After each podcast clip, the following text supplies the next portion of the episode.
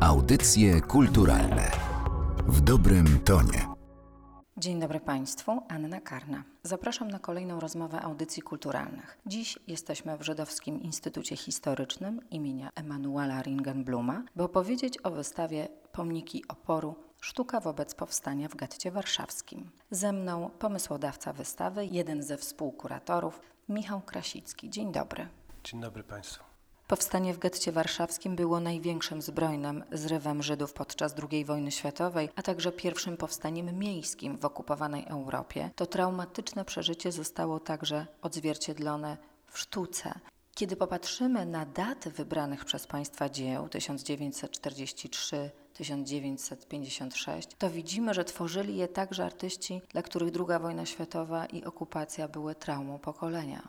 Niewątpliwie świadomie zaczynamy naszą wystawę w roku 1943, bowiem zależało nam na znalezieniu prac świadków tego, co się działo w getcie warszawskim podczas powstania. Szukaliśmy świadectw artystycznych, czyli prac jak rysunki, obrazy, czegokolwiek w tym rodzaju, ale również szukaliśmy zdjęć. Nie udało nam się znaleźć żadnych zdjęć. Wydaje się, że takowe, jeśli powstały, to zginęły razem z twórcami w getcie. Natomiast z prac artystycznych, które rzeczywiście są jakimiś świadectwami, mamy na wystawie pracę Haliny Ołomuckiej, o której wiemy, że w getcie była podczas powstania i która została wywieziona w maju przez Niemców na Majdanek. W podobny sposób przeżyła także Zofia Rosenstrauch, której dwie prace także są na wystawie, chociaż one nie są świadectwami właśnie. Z jednej strony mamy świadectwa i właściwie nimi zaczynamy wystawę, a później mamy już sztukę, która jest już w pewnym sensie wypełnianiem tej pustki, jaka pozostała po getcie przez artystów,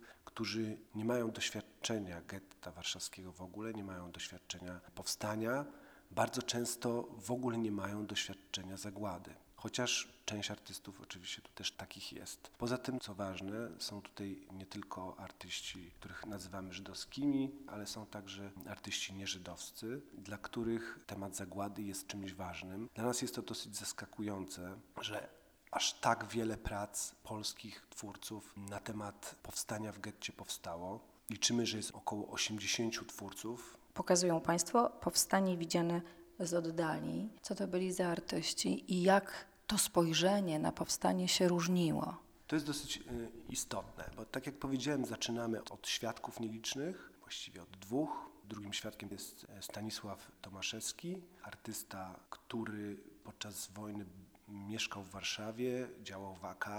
Podobno wchodził do getta, był łącznikiem z gettem i dokumentował w ogóle zagładę. I drugi etap tej wystawy, też nieduży stosunkowo, bo nie ma wielu prac, jest właśnie ten z oddali. I tam pokazujemy pracę artystów, którzy podczas wojny nie znajdowali się na terenach okupowanych przez Niemców. Mamy jedną pracę, jedną okładkę Mieczysława Bermana, który był w ZSRR. W ZSRR bardzo trudno było w sposób swobodny wypowiedzieć się na temat powstania w getcie, chociaż na pewno Żydzi tam mieszkający tego pragnęli. Natomiast większość prac, takich jak prace Artura Szyka, dwie Lei Grundig, Bernarda Zackheima, to są osoby, które przeżyły wojnę albo w Palestynie, albo w Stanach. Ich spojrzenie jest takim wyrazem, próbą zaalarmowania świata o tym, co się wydarzyło w getcie, próbą pamiętania, próbą pokazania solidarności z tym, co się dzieje w ogóle w Polsce. Ci ludzie mieli jakieś związki z, z Polską, często bardzo głębokie. Pamiętajmy o tym, że ta sztuka z oddali też karmi się tylko informacjami bardzo szczątkowymi. W związku z tym Często są to przedstawienia mm, symboliczne w jakiś sposób, tak, pokazujące buntujący się lud w pewnym sensie. Wśród artystów jest praca Artura Szyka z 1943 roku, która jest takim rysunkiem bardzo precyzyjnym, jak to u tego artysty, przedstawiającym w takim zbliżeniu powstańców. Pamiętajmy, że u Artura Szyka jest taki element w jego sztuce pewnej maniery, nawet zbliżającej się do karykatury, więc jest to bardzo osobliwa praca. I tam jest bardzo ciekawe, bo to jest taki portret zbiorowy postaci. Widać, że oni są wymęczeni przez getto, ale oni się uśmiechają. Wydaje się, że Artur Szyk pokazuje ten moment, w którym prześladowani e, mieszkańcy getta pokazują swoją ludzką twarz, to znaczy zdobyli się na odwet. Okazało się, że Niemca można zabić, że można w tak strasznym i opresyjnym miejscu, jakim było getto, poczuć się wolnym człowiekiem. Tuż obok wspomnianych prac znajduje się makieta, która chyba doskonale pokazuje tę pustkę, która została po getcie. Jednym z kolejnych takich ważnych punktów tej wystawy jest powojenna próba obrazowania ruin getta warszawskiego. Makieta, o której pani powiedziała, jest takim szczególnym, powiedzmy, wyjątkiem w tej sztuce. Ta makieta powstała w roku 47 lub 48, w każdym razie na otwarcie pierwszego po wojnie Muzeum Żydowskiego, właśnie w Żydowskim Instytucie Historycznym. Zrobiono wystawę o zagładzie, na której było bardzo dużo zdjęć, ale też było bardzo dużo artefaktów z różnych miejsc, z różnych obozów, głównie z, też z gett, z getta łódzkiego mamy bardzo dużo rzeczy, ale poza zdjęciami nie było co pokazać z getta warszawskiego. Ktoś wpadł na pomysł, aby zrobić makietę bunkra, pokazać jak wyglądał bunkier, w którym Anielewicz i około 100 bojowców popełniło samobójstwo, wierząc, że bunkier jest otoczony przez Niemców i że nie ma sposobu wyjścia, więc oni, żeby nie dać się wywieźć, rozstrzelać albo wywieźć do Tryblinki i zamordować, oni postanowili po prostu sami wybrać sposób swojej śmierci. Ten bunkier jest bardzo takim mocnym symbolem po wojnie.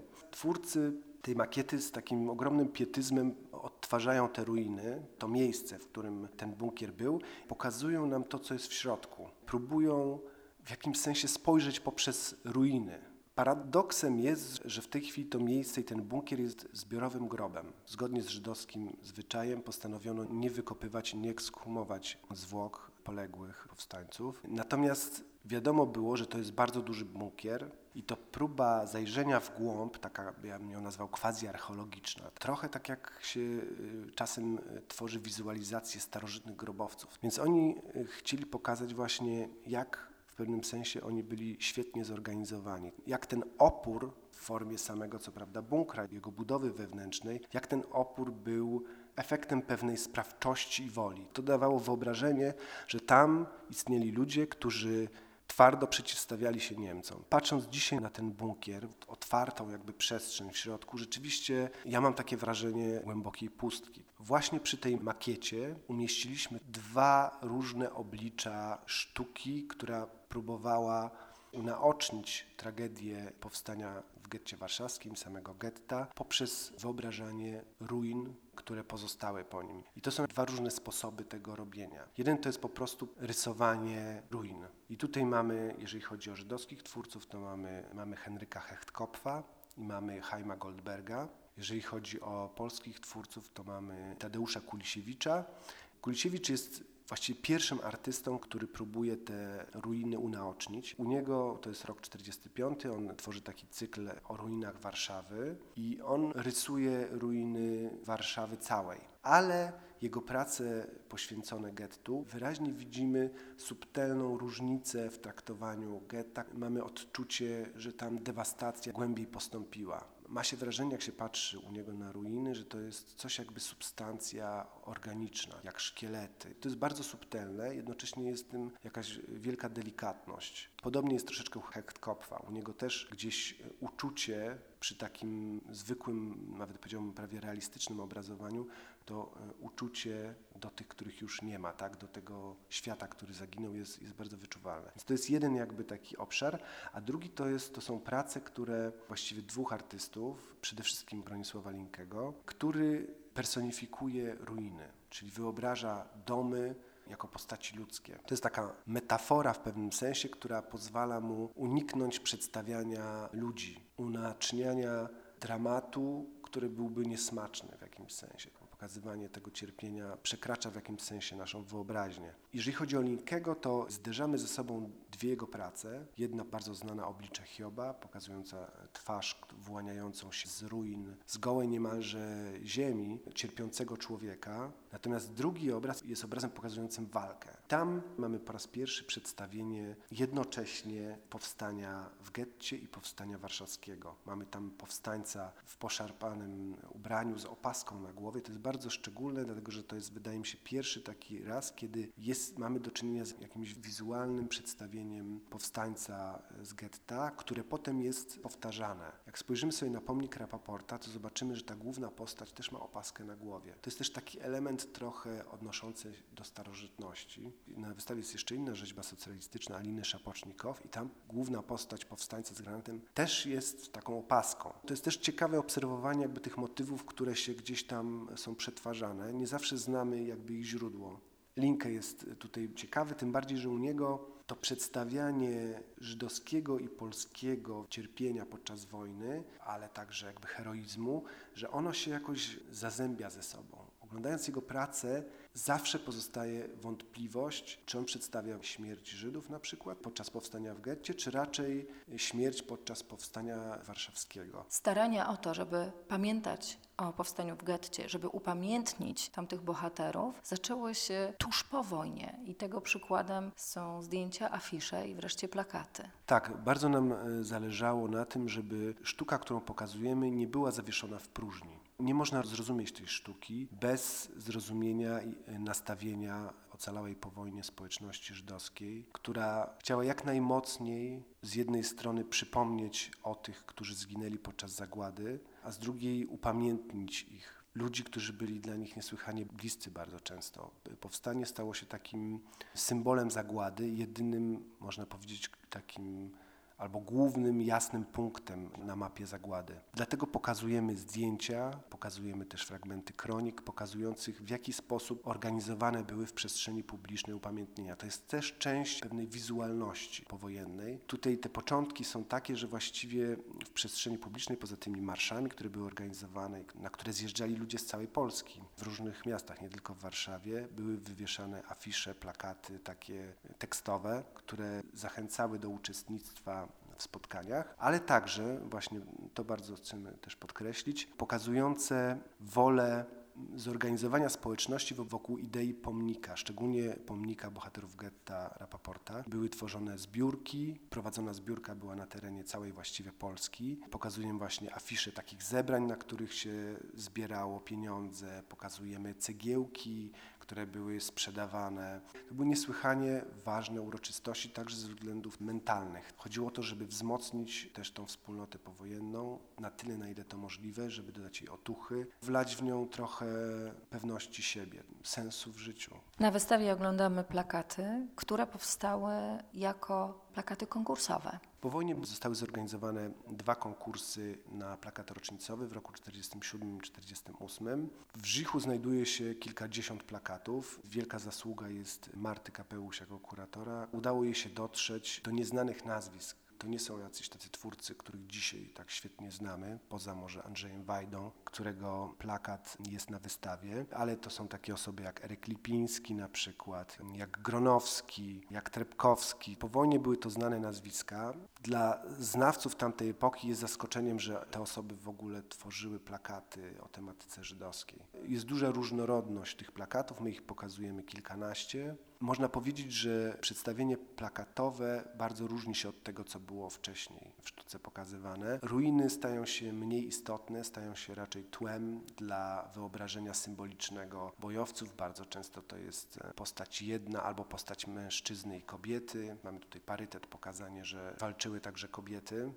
Wśród plakatów znajduje się m.in. plakat Andrzeja Wajdy i Konrada Nałęckiego. Było to dla nas duże zaskoczenie. Jest to plakat, w którym nie ma próby przedstawienia bojowców. Mamy po prostu płytę nagrobną z hasłem, które każdy z artystów tworzących plakat, który musiał umieścić tam. To, co jest takie uderzające w tym plakacie, że on jest bardzo delikatny, że w pewnym sensie to, co jest przedstawione, ta płyta nagrobna ma taki charakter efemeryczny, tak jakby ta powojenna pustka gdzieś prześwitywała przez niego. Wśród pomników oporu oczywiście znalazły się dzieła malarstwa.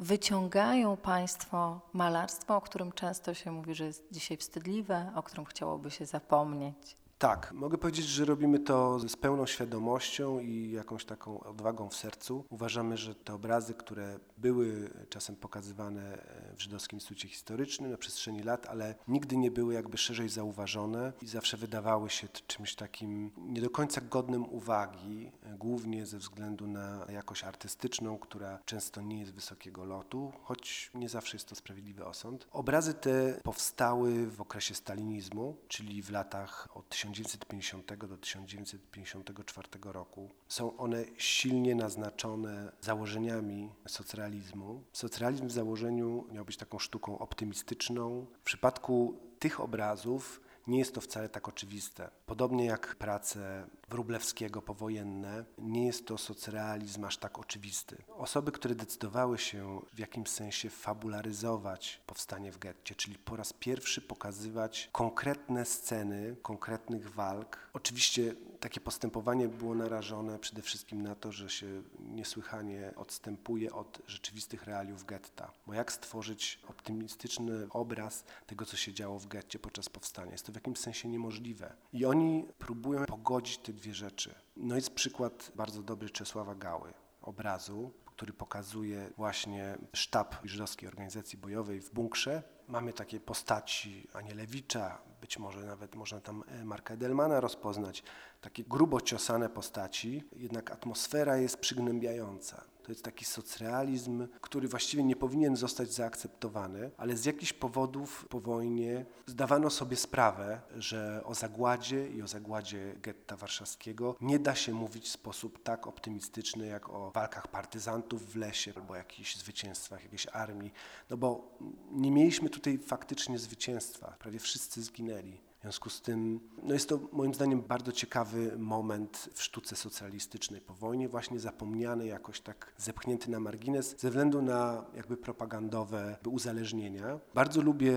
na tej wystawie obraz Jadwigi Mijal, która namalowała właśnie walkę w getcie, taką jest jasna scena, Getto jest prawie opustoszałym, widzimy tylko kilka osób walczących i Niemców uciekających w tle. Mamy właściwie takie wyobrażenie miasta doskonałego, dlatego że jak renesansowego. Można by powiedzieć wręcz, że jestem czysto jak w jakimś świecie nierealnym zupełnie. Ale obraz jest tak naprawdę namalowany w stylu baltusowskim. I z boku widzimy postać kobiety, która jakby leży, ale podpiera się rękami, ma zamknięte oczy ani nie widzimy, żeby była ranna, ani nie śpi. Właściwie ja sobie wyobrażam, że to jest postać właśnie tak jak z Baltusa, marząca, że ona sobie wyobraża to, co widzimy, że to jest jakaś taka wizja z pogranicza snu i w ten sposób wydaje mi się, że artystka wymyka się socrealizmowi, daje złudzenie socrealizmu, ale tak naprawdę chce pokazać, że to wszystko jest pewnym marzeniem, wyobrażeniem, upragnionym.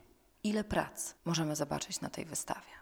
Na tej wystawie możemy zobaczyć koło 100 prac, przy czym nie pokazujemy samej sztuki. Pokazujemy je w pewnym kontekście i głównym kontekstem jest fotografia dokumentująca powstanie w getcie, ale także czas powojenny. Część tych obrazów, właśnie socjalistycznych, zestawiamy z fotografiami, które sądzimy, że były inspiracją dla tych obrazów. Bardzo często jest taka sytuacja, że artysta wykorzystuje scenografię ze zdjęcia zrobionego w getcie na swoim obrazie, tylko dokonuje swoistego odwrócenia znaczeń. Na tych zdjęciach bardzo często widzimy albo Żydów pokonanych na ulicy, albo Niemców, którzy kroczą dumnie przez palone miasto. Natomiast na obrazie widzimy scenę, której powstańcy walczą z Niemcami i ich pokonują. I tego rodzaju odwrócenia w wystawie istnieją. Jedno z najbardziej znanych zdjęć zaraz po wojnie, które się ukazało, jest zdjęcie na ulicy Bonifraterskiej w stronę getta, ze strony aryjskiej, z karuzelą słynną. I mamy obraz Witolda Millera, który odtwarza dokładnie tę samą scenografię, ale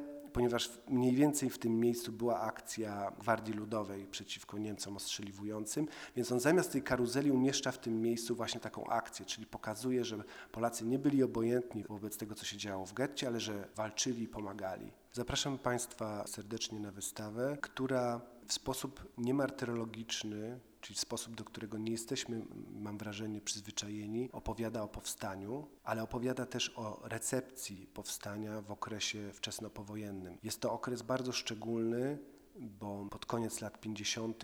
właściwie sztuka o powstaniu zanika, zajmują się nią już tylko pojedynczy artyści. Jest to jedyny w swoim rodzaju wybór prac opartych na bardzo głębokiej kwerendzie, której nikt do tej pory nie zrobił. Jest to jedyna mm, okazja, żeby zobaczyć te prace na żywo. Kolejna szybko się nie nadarzy. Zapraszamy Państwa do Żydowskiego Instytutu Historycznego. Gościem audycji kulturalnych był współkurator wystawy Michał Krasicki. Bardzo dziękuję. Dziękuję bardzo. Audycje kulturalne w dobrym tonie.